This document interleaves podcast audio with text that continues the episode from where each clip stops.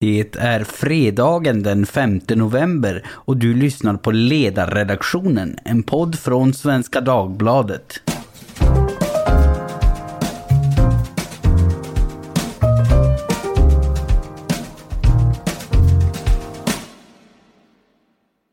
Jag heter Jesper Sandström. Redaktör Eriksson har fredagsledigt denna läslovsvecka, men idag bryter vi läslovandet och återgår till dagspolitiken.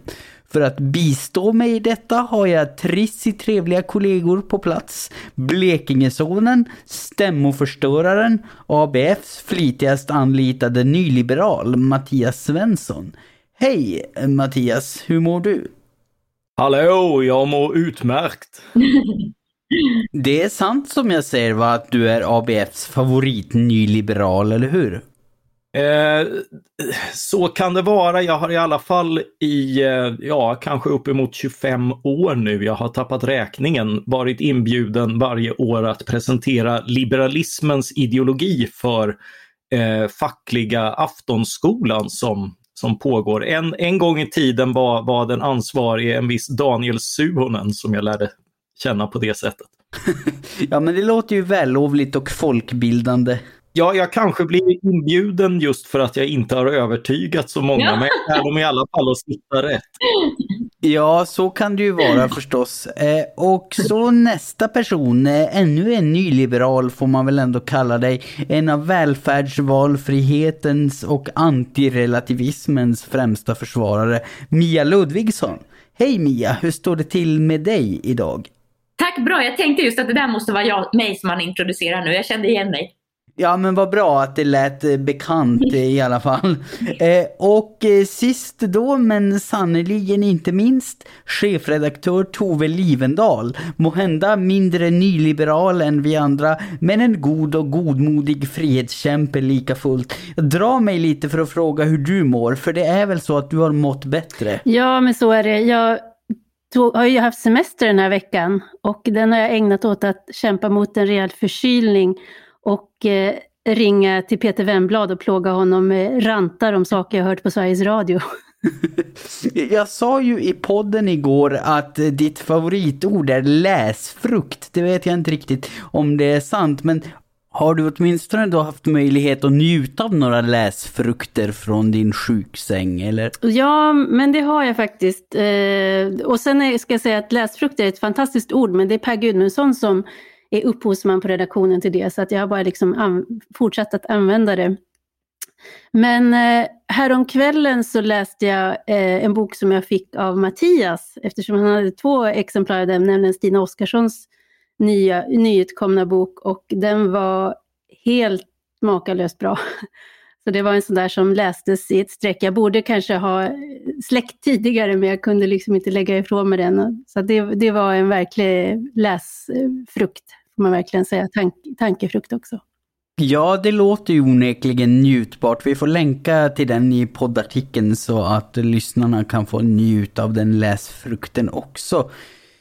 Men men, nu ska vi som brukligt sammanfatta nyhetsveckan som gått och händelsen på allas läppar är förstås det att Socialdemokraterna har haft kongress där Magdalena Andersson, nu finansminister, har valts till ny partiledare och med all sannolikhet går mot att bli vår första kvinnliga statsminister också. Eh, Tove, du lyssnade ju på hennes installationstal. Rös du, mös du eller fnös du? Eller vad hände i ditt inre när du hörde? Jo, jag har lyssnat både när hon blev vald och eh, också på installationstalet och sen har jag tagit del av de fröjdesamma tillropen på partitwitter som känner att nu har vinden vänt. Och eh, det får vi väl se om den har gjort. Jag tycker att det är en eh, Ja men det är spännande med ett nytt val. Jag tror att det kan ge Eh, ingjuta nytt mod i en rörelse som har varit väldigt vilsen och väldigt eh, ja, handlingsförlamad på alla sätt. Och inte minst på de områden som har varit föremål för mest nyhetsgranskning. Så att jag tänker att det här kan ge ny energi till hela det politiska spektrumet, för det brukar också vara sant att man är inte bättre än sina främsta konkurrenter, så att det blir bra för de andra partierna att få bättre konkurrens ifall Socialdemokraterna skärper upp sig. Men sen finns det ju några sådana där saker som man, om man liksom kliv, zoomar ut lite grann så, ska, så säger nu Magdalena Andersson att socialdemokratin har alltid sagt som det är. Och det är ju som ett eko av vad som hörs på moderatstämmorna också, att ja men vi är partiet som säger som det är, så att nu ska alla säga som det är. Eh, och det är i och för sig välkommet eftersom de under väldigt lång tid inte har sagt som det har varit. Men jag är ju mer intresserad av att veta säg, att de ska säga vart de vill någonstans med Sverige. För att, att, att som det är, det, det har någonstans väljarna redan, de, de, de har redan passerat den punkten, de vet hur det ser ut och har liksom inväntat att de stora partierna ska komma ikapp. Men nu är det intressanta vart de är på väg någonstans. Och där finns det ju en del saker som Magdalena Andersson tar upp som är uppenbart eh, eh omöjliga. Det är sånt där som man säger installationstal. Hon vill att Sverige ska bli ledande i klimatomställningen. Och det är faktiskt ingen omöjlig ambition, men om man samtidigt säger att man inte kan göra det med kärnkraft, då får man inte ihop ekvationen. Eh, och det där får hon väl förhoppningsvis så småningom lite mer kritiska frågor på. Eh, och det är också intressant med, med den markering mot kärnkraft också med tanke på hur hennes eget parti ser ut och var stödet finns och sådär. Så att det finns vissa sådana saker som eh, är sagd i nyvalsyra men som inte håller för kontakt med verkligheten. Nej, det blir spännande att se vad som händer när tankarna möter verkligheten. Mm. Mia, vad tror du att vi har att vänta av Socialdemokraterna under Magdalena Andersson? Något helt eller delvis nytt eller samma gamla?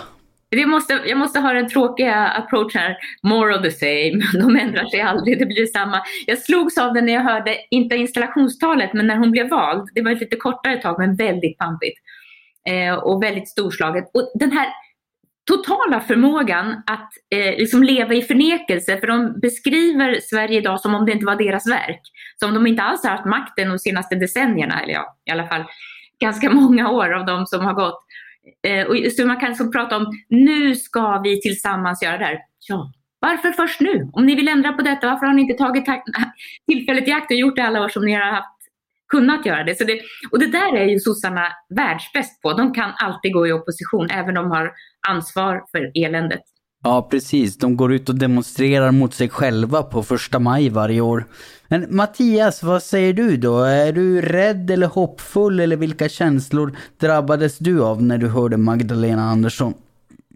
Alltså, jag, jag har ju varit lite hoppfull eftersom jag, jag tilltalas ju väldigt mycket av personen Magdalena Andersson som kommit fram. Jag blir nästan lite pirrig. Alltså, hon är oerhört begåvad, hon är vass i repliken och, eh, och liksom, eh, hyser liksom en humor som tydligen till och med ska ha tyska inslag och, och, och sånt kan man inte annat än bli väldigt förtjust i.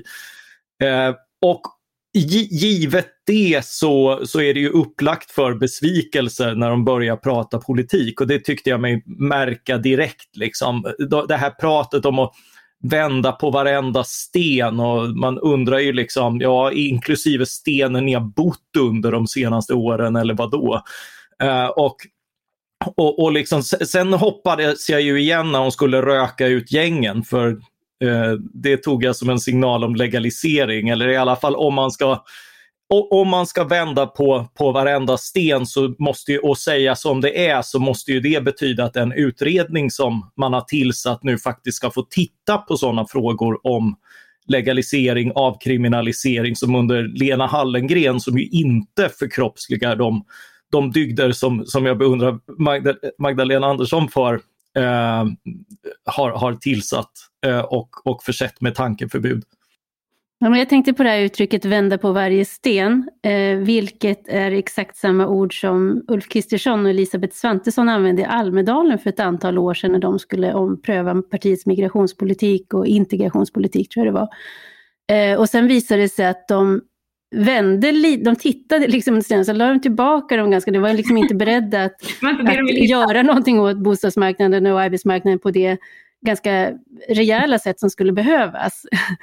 Så att jag, om jag ska vara snäll så tänker jag att det uttrycket handlar om en, i bästa fall kan det innebära en signal inom att, att ompröva tidigare dogmer och säga att nu, nu är det som är gjort, gjort. Men nu är vi i ett sådant läge där vi faktiskt måste liksom just vända på varenda sten och med det då ompröva tidigare positioner. Och det kan ju i och för sig vara någonting positivt. Så att jag, vill, jag vill ändå vara lite, Eh, jag vill inte bli så modlös här utan jag hoppas och tror att det finns förbättringspotential. Och ju mer verklighetsförankrade eh, som politikerna är, desto bättre blir det ju. Så att jag, ja, jag vill inte jag vill inte säga att det är kört, utan jag tror att det, kan, det kanske kan bli bättre. Vill du komma in här och sänka stämningen igen Mia? Ja, eller, jag, jag, tycker det är rätt roligt när vi diskuterar så här politiska begrepp och, och populära uttryck och sånt. Just det här, vi ska lyfta på varje sten. Det har sagts av alla partiledare och på alla dialekter under ganska många år. Och det som stör mig i det, det är nog, det är nog att det avslöjar en syn på politik som att de som är ansvariga måste gå ut och leta under stenar för att veta vad de ska göra. Det ska de veta av,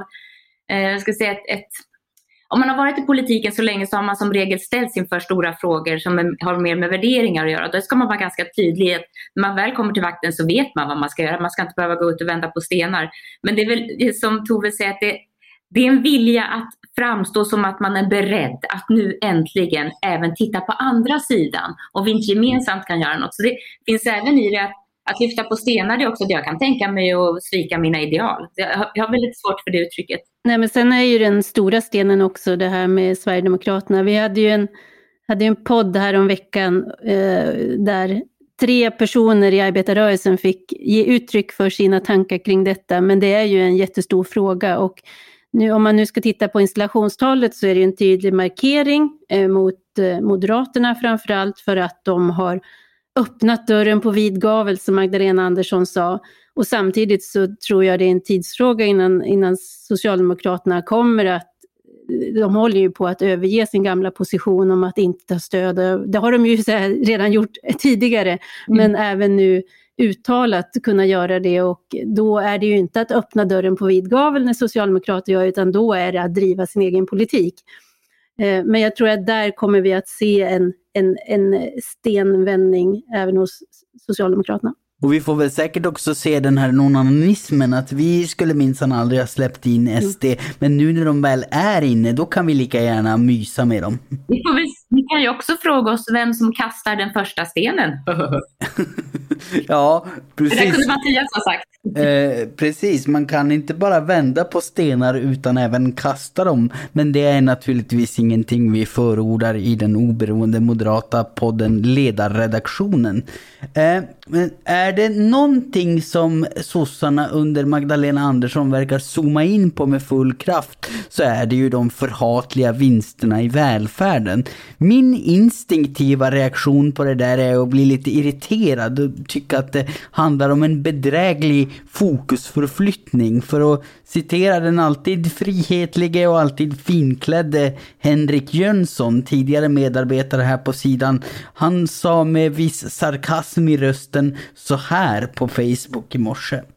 Mindre än en promille av skolans kostnader går till utdelningar. 85% av alla skolor är kommunala och skolministern gömmer systematiskt undan fallande skolresultat. Men visst, vinst är det verkliga problemet. Men allt är ju inte frid och fröjd med friskolorna och ingen nyhetsvecka i det här landet är väl komplett utan lite skattefinansierad islamism. Så vi ska ändå rikta in oss på det fog som faktiskt kan finnas för kritiken. Paulina Neuding skulle ha varit med idag, hon fick tyvärr förhinder, men hon skriver under rubriken Ta motståndet mot vinst på allvar att fusk och fiffel i skolorna äventyrar hela friskolereformen. Och hon anförtrodde åt dig Mattias att föra hennes talan.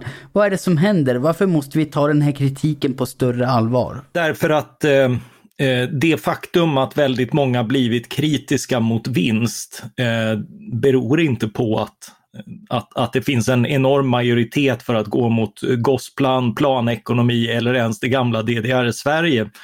Utan det handlar om, eh, tror jag i alla fall och i min bedömning, missnöje med de faktiska praktiska utfallen kring eh, kring dagens skolsystem och inslagen av friskolor. Och där finns problem som man borde ha uppmärksammat och löst för länge sedan. Inklusive det här den här uppenbara no-brainen med att, att islamister eh, ska inte få slussa skattepengar till Somalia via, via skolpengen, vilket är vad som faktiskt hänt i det här fallet och som, eh, och som nu är både ett rättsfall och en, en till slut stängd skola. Men, men jag menar, det, det är ju ett uppenbart systemfel, låt vara ett eh, Eh, ett i de stora sammanhangen litet sådant, men det har gått ett hundratal elever på de här skolorna som har, som har då liksom inte fått den, den undervisning som, eh, och de färdigheter som, som de är berättigade till från ett svenskt skolsystem. Eh, och det här är inte toppen av ett isberg, men det finns en massa andra systemfel med att ha ett offentligt kontrollerat, finansierat och initierat system där privata aktörer kan, eh, kan, kan plocka ut pengar. Därför att det finns problem med betygssättningen. Eh, det finns problem med hur gymnasieskolor lägger upp undervisning så att undervisningstimmar är, är otillräckliga. De fick en flexibilitet där och många har utnyttjat den på precis det sätt de, det var tänkt. Men det har också utnyttjats till att minimera vad man levererar. Eh, och eh, de, de här problemen finns ju i de här typerna av blandade kvasimarknader med, med, med visst privat inslag.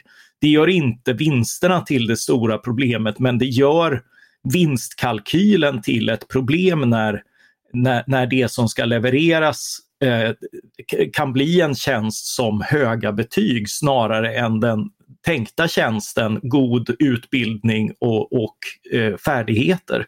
Tove, vad säger du? Finns det något särskilt borgerligheten kan göra för att försvara och i någon mån återuppbygga förtroendet för den friskolereform som väl ändå ligger de flesta av oss mer professionellt borgerliga ganska varmt om hjärtat? Ja, det är klart att det finns mycket att göra och jag tror eh, Henrik Sundbom som var inne hos oss på ledarsidan tidigare gjorde för inte så länge sedan ett tiopunktsprogram för en bättre skola och man kan börja med de punkterna. En av de sakerna är att se till att vi får en, en eh, oberoende bedömning av kvaliteten på skolorna så att man kan jämföra och se, för det måste alltid, alltid vara i centrum. Vilka, vilka resultat, vilken kvalitet levererar svenska skolor och håller dem med tillräckligt liksom, likvärdigt mått oavsett vilken, var, var eleven går i skolan. Och det måste vara utgångspunkten.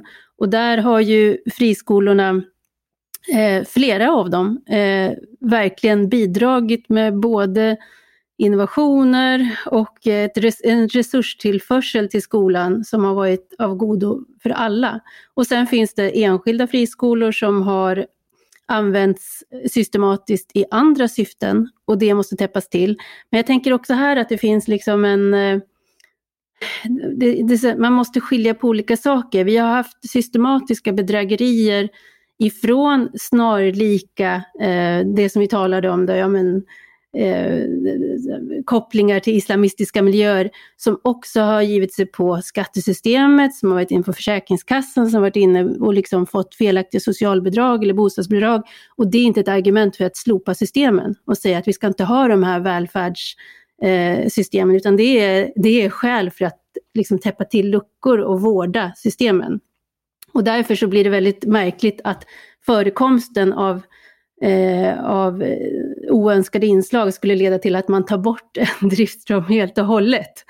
Eh, det, det, blir en jättekonstig logik och det, den tycker jag den ska man syna ifrån borgerligt håll när den framförs från vänster. Det, det är en så konstig eh, sätt att tänka. Eh, men sen finns det ju, så jag tänker att här finns det flera saker att göra. Det ena handlar om som Mattias är inne på, liksom systemvård, att man ser över liksom systemen så att de fungerar Eh, det andra handlar ju också om att, tänker jag, för att det blir det, det är alltid sådär, vi pratade här om veckan om det här med relativ fattigdom. Och det är ett jättebekymmer att vi lägger så mycket pengar på skolan överlag och att en del ungar inte får det de behöver. Att vi har många skolor som inte håller måttet. Eh, så där, det är väl liksom det att inte avfärda problem för att Eh, problemen kommer, liksom lyfts från ett håll som egentligen inte vill ha friskolor utan att ta problem på allvar. Men också att inte acceptera en problemformulering som skyller friskolornas förekomst i sig på allt möjligt som är andra bekymmer. Mia, du har varit inne på det där. Du skrev i början av veckan en text med ett delvis annorlunda budskap. Riv hindren så att friskolorna blir fler. Varför vill du ha fler friskolor? Texten kom framförallt därför att det var en diskussion om köer, att det var köerna som var ett problem och det var köerna som var orättvisa och det fanns de som eh, ställde sina barn i kö redan vid födseln och sådär. Min eh, enkla analys var att då är det köerna som är problemet och inte de skolor som får köer. För att det är för få de skolorna. Och då vill jag vända lite på eh, debatt Eh, klimatet, eller så vända på själva frågeställningen. För att om man alla utgår ifrån att det är ett elände med friskolor, de måste på olika sätt beskäras och begränsas, då, då blir det också ett svar därefter. Men om man istället ställer sig frågan varför har vi köer till någonting som många vill sätta sina barn i? Då är det snarare så att de är för få. Då har jag istället skrivit en lite kortare artikel om vad kan man göra för att de här skolorna ska kunna bli fler. De skolor som är av både föräldrar, barn och, och lärare ansedda som bra skolor. Det tycker jag det är ett annat perspektiv i den här diskussionen istället för att eh, hitta små alltså, vi, vi uttryck för eller tecken på att allting inte är optimalt och ta det till intäkt för att ingen ska ha rätt att välja. Och om man ska komma fram till någon slags lösning här då, tror du att eh, det går att på något fruktbart sätt förena din linje och Paulinas så att det på en och samma gång blir lättare att starta friskolor men samtidigt svårare för skrupelfria myglare att mjölka systemet? Jag, jag, jag tror nog att jag tror inte Paulina är emot friskolor, men det hon sätter fingret på är någonting som jag nog skulle kalla för något annat. Det är ett problem som vi har haft i Sverige under lång tid, detta att vi är, vi är för slapphänta. Vi är väldigt generösa med offentliga bidrag. Vi har haft samma problem inom folkbildnings-Sverige där pengar har slutsat ut via Ibn Rush till eh, också islamistiska miljöer. Så det här är ju någonting som finns i den typiskt kan jag tycka, svenska ganska slätstrukna attityden mot när vi har gett bidrag, att vi inte kollar upp saker och ting. Så detta som har hänt med det här, väldigt få exempel på friskolor då som har slussat ut pengar till, eh, till eh, otrevliga miljöer får man väl säga. Det handlar snarare inte om att friskolesystemet är problemet, utan att svenska myndigheter är urdåliga på att följa upp, kolla, kontrollera. Vi har regler för sånt där, men uppenbarligen gör man ingenting. Det finns ett, ett, en underlåtelse att ja, nu har vi sagt till dem, men man uppföljer inte upp det ordentligt. Och det där är ju som sagt, vad gäller folkbildningspengar och eh, olika trosamfund, där också det rusar ut pengar där och man har inte riktigt koll på var det tar vägen någonstans.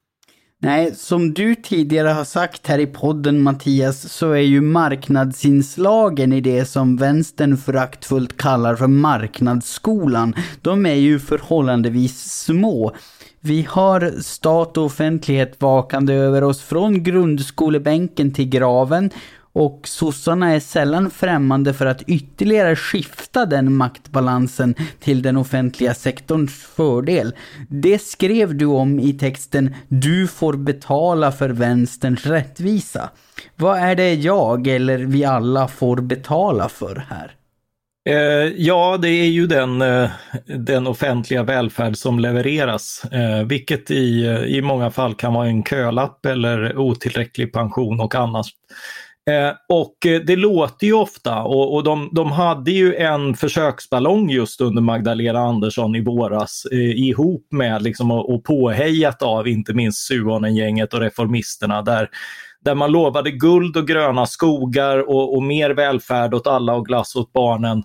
Eh, och det som man förespeglade skulle betala det här var kapitalskatter och det låter ju som skatter på de allra rikaste och har ibland också varit det i form av, av arvsskatt, förmögenhetsskatt och annat. Och eh, kända problem med dem är ju att eh, eh, att de inte drar in speciellt mycket till statskassan men däremot kan vara väldigt destruktiva kring företagsskiften och annat som, som gör det möjligt att driva framgångsrika affärsidéer. Så, så det enda den här beskattningen egentligen var framgångsrik till då, var ju att, att driva väldigt begåvade och, och företagsamma människor eller de som tjänade pengar på, eh, på, på annat utomlands. Eh, både liksom under högskatteperioden när vi hade höga marginalskatter och sen under eh, under perioden när, Eh, när, när vi hade kvar de här skatterna så fick man ju genant göra undantag för de allra rikaste som, som Hennes och Maurits-ägaren och andra så, för, att, för att de skulle kunna vara kvar i landet. Eh, så, så det var ju liksom en, en det fanns ju väldigt god anledning att också utifrån ett socialdemokratiskt perspektiv avskaffa de här skatterna. Men nu signalerade man och, och så fanns det en skatt som man då, eh, och, och, det var ju de här ISK-kontona som, som då lägger en, en generell skatt på, eh, på, på innehavet istället för, eh, för på enskilda vinster, vilket mycket eh, förenklar eh, sparande på många sätt och gör det tillgängligt för fler och det har gjort det tillgängligt för fler. Eh, och, eh, och då hade man räknat på hur mycket man skulle kunna få in vid, eh, vid ganska eh, låga belopp som Eh, från 100 000 till exempel på, på det här kontot. Som när man sparat några år och, och satt av, av sin inkomst några år eh, och det har varit god avkastning så kan man, kan man komma upp i de beloppen och det är också det som gör att man skulle kunna få in lite pengar från de här systemen. Men då blev det ju uppenbart att, att det, det, det är vanligt folk som kommer att få betala det här.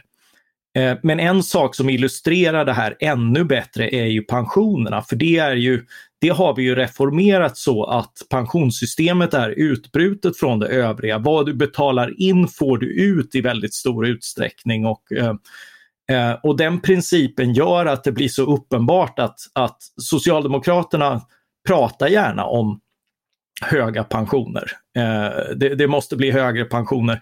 Men det blir också uppenbart att deras enda förslag, eh, faktiska förslag är att ja, eh, vi behöver avstå mer av vår lön för att betala det här. Eh, och, och det kan man förvisso låtsas som att det inte är löntagarna som betalar genom att ta på arbetsgivaravgiften, men, men den ingår ju i, i vad, vad arbetsgivare och arbetstagare eh, förhandlar om. Så, så det blir ju i alla fall liksom, eh, löneutrymme som, som tas av det där. Det kommer ju inte ur intet.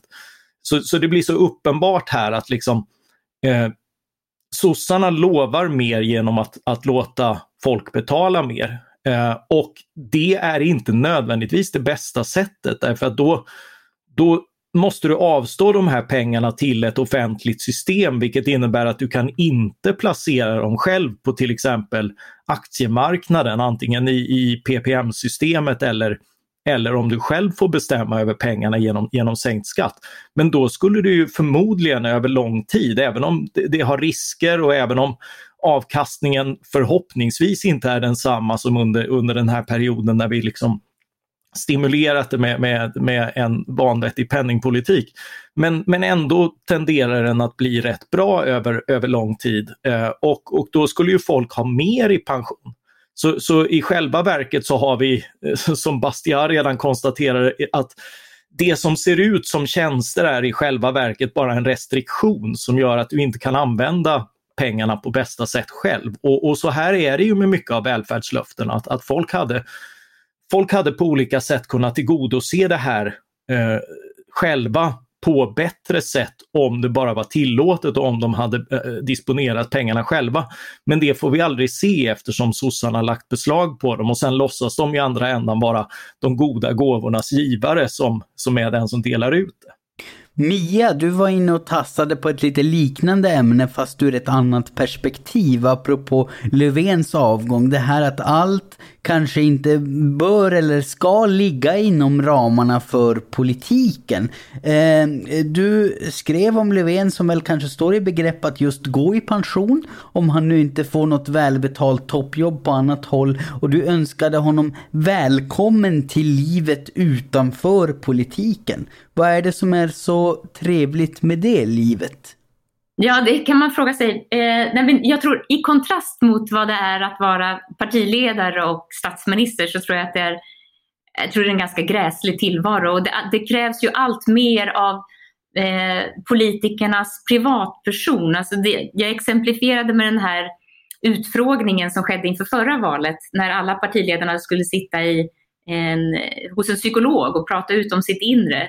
Och det blev på något sätt en sån stark bild av hur vad ska jag säga, hur medieklimatet hanterar politiska frågor. Alltså det, man är mer intresserad av vad, vad Reinfeldt har för hemliga drömmar än vad han menar egentligen med när han säger att han är feminist, som hade varit en, mer intressant fråga. Alltså även inte bara politiken, men politikerna blir också föremål för någonting helt annat än det de ska syssla med. Så det tror jag är tröttsamt. Jag tror det passade honom ganska dåligt. Jag tror också att Magdalena Andersson är en som kommer väldigt tydligt sätta stopp för sånt. Det, jag har sett när hon har fått frågor som hur känns det nu och sånt, så hon är väldigt tydlig med att ja, det här är inte en fråga om känslor, men du får gärna fråga om fakta. Ja, det är befriande. Men det, befriande är det nog också för eh, Löfven att komma ut och få vara en vanlig person och det tänkte jag då kunde påminna honom om det faktum, det som vi alltid säger från liberala kretsar, att politik är bara en väldigt liten del av livet. Både om du är politiker men framförallt i en mening att i en uppmanande mening, politik ska vara mindre av livet och därför borde socialdemokratin också arbeta mer för att dra tillbaka staten istället för att ständigt utvidga den. Det var min poäng. Och i ljuset av den här uppmaningen att politiken ska vara mindre av livet så nämner du också ABBA som Löfven ska åka och titta på nu när han lämnar statsministerposten. Som lyckades hålla sig opolitiska i en tid när alla andra blev politiska. Ja, de var ju befriande och jag märkte, jag noterade även när när, eh, eh om det var Jörn som blev intervjuad om den här nya skivan. Och han sa att jag tror att den har blivit så positivt mottagen. Dels för att den är bra men också för att det är en tid med så mycket negativt. Och då lyckades han nämna sånt som är sådär allomfattande. Han sa inte eh, högervågen eller utan han, han nämnde just corona eh, och Afghanistan. Alltså eh, sådana typiskt politiska frågor som alla kan känna detsamma om. Så han har fortfarande förmågan att eh, lägga sig i samhällsdiskussionen men göra det opolitiskt. Och det har de lyckats med hela tiden. De blev väldigt kritiserade för att de inte tog ställning på den tiden och hade en stark motrörelse. Men, men de har överlevt alldeles uppenbart.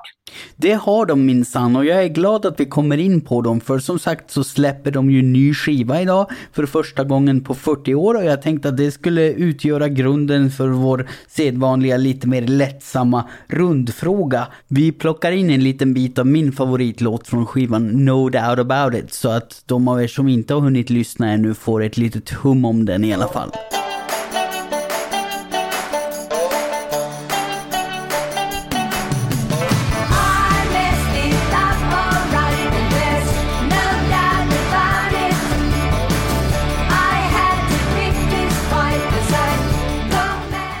Men vad säger ni utöver den här lilla snutten då? Ska man lyssna på Abbas senaste eller inte? Och om inte, vad ska man lyssna på istället då? Eh, Mia, du får i egenskap av redaktionens största ABBA-aficionado inleda här. Vad säger du om saken? Ja, man kan inte vara större fan än jag. Eh, den, eh, den ska man lyssna på. Jag har gjort det men bara en gång än så länge. Ibland måste man lyssna flera gånger och den är precis av det här slaget som ABBA-musik är. Ibland så gråter man en smula men för det mesta så om man är ute och promenerar så går man lite raskare och blir glad. Jag tror nog att jag skulle våga säga att de två bästa låtarna hade de redan släppt. Så de två som kom för några veckor sedan.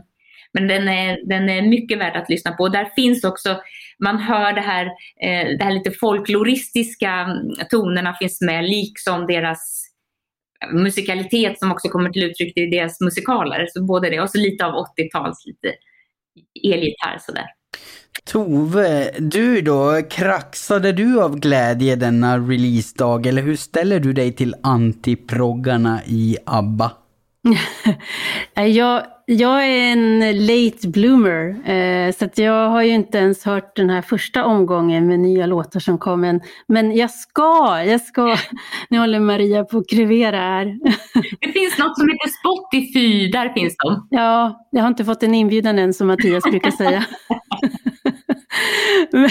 men, jag väntar nej, men, fortfarande. Det, det, är klart man ska lyssna och det är ju mer så här eh, ja, jag gillar ABBA också väldigt mycket, eh, men eh, jag tänker också att det är mer allmänbildning. Det är en del av vår, eh, den, den, den här, den framtida musikhistorien som detta är en del i. Ja, det är ett skäl så gott som något att sätta sig och lyssna. Men Mattias, vad säger du då? Har du tänkt dig sätta dig och njuta av plattan hela kvällen eller?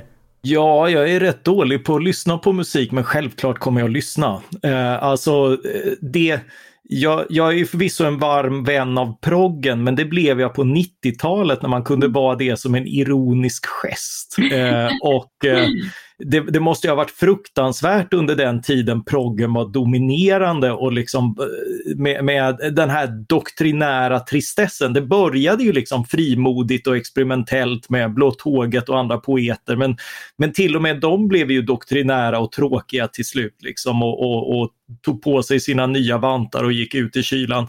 Men ABBA, eh, ABBA blev ju på, på, ett sätt motsatt för mig, för det lyssnade ju mina föräldrar på. Eh, och, eh, eh och jag började lyssna på det också och blev liksom svårligen hånad i det 80-tal som, som var mina skolår eftersom eh, då var de så ute att man inte kan tänka sig något, något värre. Eh, men upptäckte de via eh, via liksom Erasures covers och annat senare. Liksom. Så, så jag är också en late bloomer som har insett att liksom morsans och farsans musik i det här fallet var, hade, hade liksom enormt många poänger och inte minst när de här nya låtarna kom så så fick man anledning att lyssna tillbaka och upptäcka nya. De har ju en enorm bredd. Eh, det är fantastiskt. Eh, och eh, sen Eh, så eh, den här nya måste jag säga, den jag lyssnade på de här låtarna men, men de ger mig absolut ingenting. Men man kommer ju vara så nyfiken att, att man lyssnar på det här andra också. Men, men det är ju framförallt en chans att upptäcka allt bra de har gjort. Ja, alltså jag känner ju lite likadant. Jag älskar ABBA, bland annat av just de skäl som du nämner Mia. Men, men det här, det påminner mig lite om 80-talets versioner av två av mina favoritband, Ramones och Status Quo. Bevisligen bra band som tyvärr gör ganska dålig musik. Samtidigt kan jag känna igen mig i den här glädjen hos någon som verkligen älskar ett band och äntligen får höra dem på nytt efter lång tid tid. Så att jag kan ju åtminstone vara väldigt glad å andras vägnar. Eh, men jag, jag, har lyssnat på skivan för bildningens skull men det var ingen favorit. Så att jag tänkte därför tipsa om två alternativ som ligger mig varmt om hjärtat. Eh, jag vill ju egentligen pyssla med kultur men nu är jag tyvärr nyliberal så att det blev inget med det utan jag får hålla mig till politiken. Ehm, ehm, men eh, jag tänkte tipsa dels i en vecka där väldigt mycket handlat om just Socialdemokraterna. Om den underbart syrliga låten Socialdemokraterna utgiven av vår alkoholiserade och antikonformistiske nationalskald Eddie Medusa 1980 i ett Sverige ännu mer präglat av sossarnas likriktningskrav än det samhälle vi har idag. Här kommer den. Jag har släpar på för att gå ihop. Så kommer det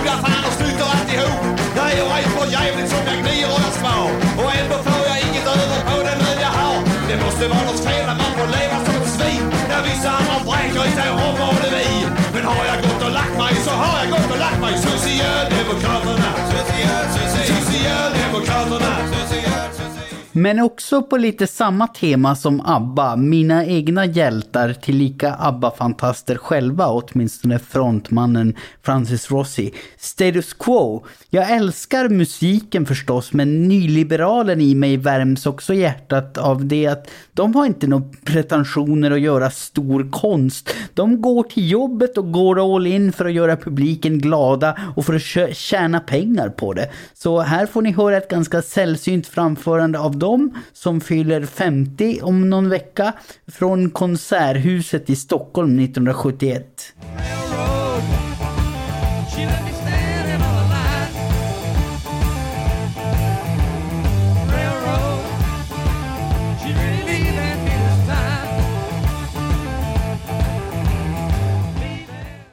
Kanske inte Annie Frid och Agneta-klass på harmonierna, men inte helt fy skam det där heller. Jesper, vi måste ju när det är sossekongress och annat och, och, när vi är inne på 70-talet eh, ändå skicka med Gud i brallan sosse. Skrålvänlig och svikna ideal. Eh, fy på sig sosse, ja. Jag hade den stora glädjen att se dem live i samband med Jonas Sjöstedts första majtal i Göteborg eh, 2019. Eh, Så att eh, Det är ju lysande. det ska vi självklart se till att lyssnarna får njuta av också. Gud i brallan med fy på sig sosse.